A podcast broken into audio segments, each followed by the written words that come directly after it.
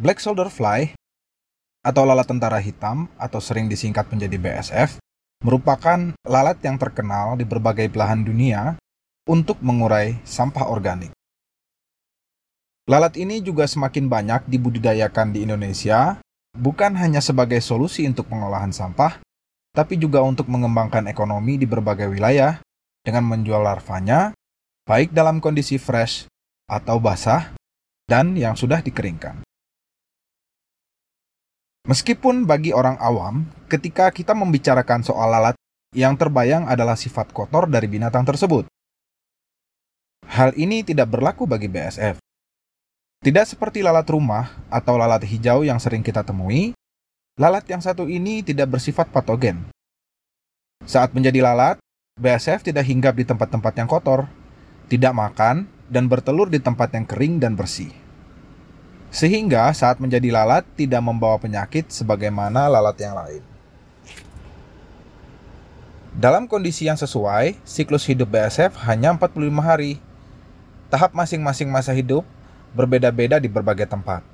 Sehingga untuk pengembangbiakannya perlu menyesuaikan lingkungan tempat pembudidayaannya. Dalam kondisi alami, BSF sering kita temui di tempat-tempat yang kaya akan sumber nutrisi, Meskipun begitu, lalat ini tidak makan dan bertelur langsung di tempat sumber makanannya tersebut. Lalat dewasa yang sudah menetas dari pupa tidak dilengkapi dengan mulut untuk makan, tapi hanya untuk minum. Telurnya biasanya diletakkan berjarak dari sumber nutrisi untuk makanan lalat ketika masih menjadi larva. Lalat ini akan meletakkan telurnya di dekat sumber nutrisi yang memiliki bau tertentu. Salah satunya bau asam hasil fermentasi. BSF berada di Kingdom Animalia, divisi Arthropoda, kelas Insecta, Ordo Diptera, familia Stratiomidae, genus Hermetia, dan spesies Hermetia illucens. Black soldier fly dewasa atau yang sudah menjadi lalat mirip seperti tawon. Warnanya hitam dan berukuran hingga 16 mm. Yang betina berukuran lebih besar daripada yang jantan, sayapnya transparan dan terlihat seperti pelangi di bawah sinar matahari. Ukuran kepalanya besar dan berantena dua kali panjang kepalanya. Lalat BSF betina bisa bertelur hingga 900-an butir lalu mati setelah bertelur. Sedangkan lalat jantan yang lebih kecil biasanya mati setelah kawin. Telur-telur tersebut menetas setelah kurang lebih 4 hari dan menetaskan larva yang berukuran mikro. Larva ini dapat berkembang hingga sepanjang 2 cm bahkan lebih.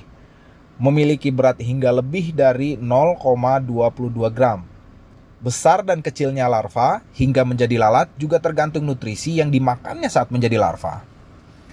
Usia larva ini juga bervariasi tergantung nutrisi dan suhu tempat tumbuhnya larva mulai dari 18 hari hingga lebih dari satu bulan.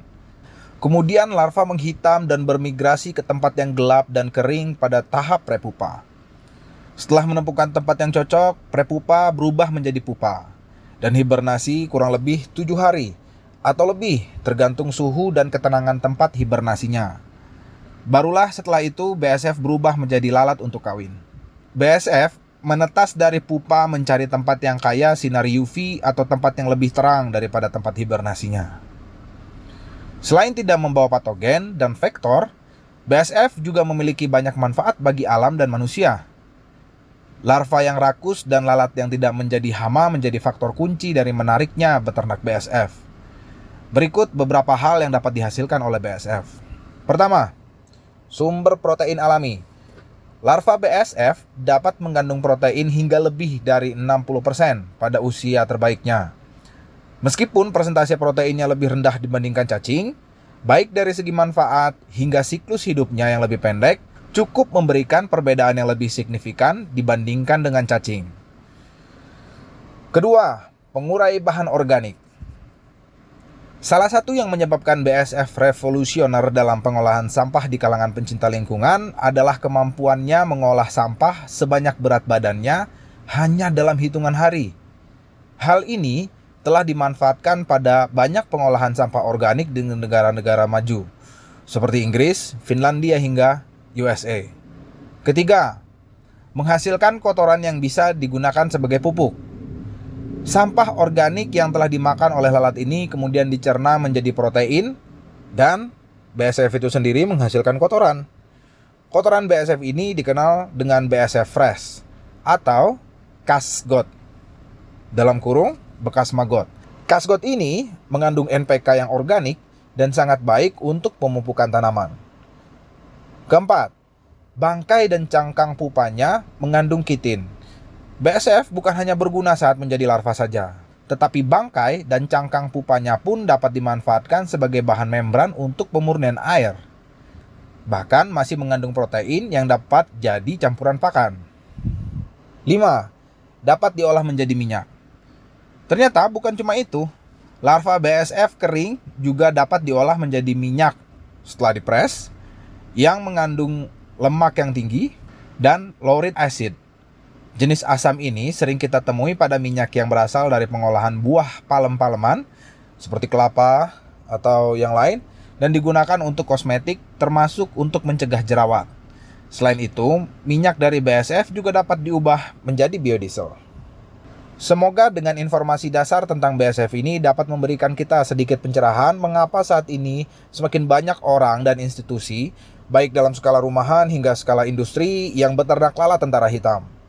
Dan semakin banyak yang menjadi peternak ini secara nasional, diharapkan dapat membantu lingkungan mengurangi sampah organik serta berbagai dampak negatifnya.